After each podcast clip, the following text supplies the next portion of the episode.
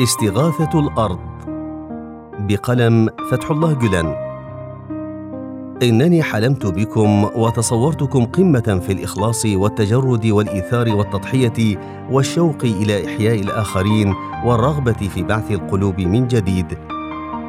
هكذا حلمت بكم ورأيتكم. سأبقى كذلك حتى لو انخدعت بالأضواء الكاذبة على أنها شمس خمسين مرة.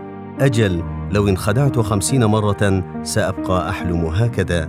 لكنكم رجالا ونساء لم تخيبوا ظني أبدا. فمزيدا من الصبر أرجوكم. العالم في مسيس الحاجة إلى الرسالة التي تقدمونها. العالم في حاجة إلى أن يتشرب تلك المعاني. تراكمت المشاكل على الأرض حتى احدودب ظهرها.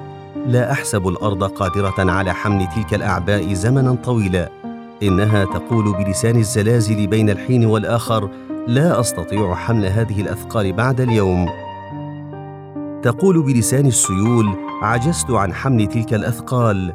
الأرض تقول لكم لا أستطيع حمل جبال الذنوب تلك على ظهري.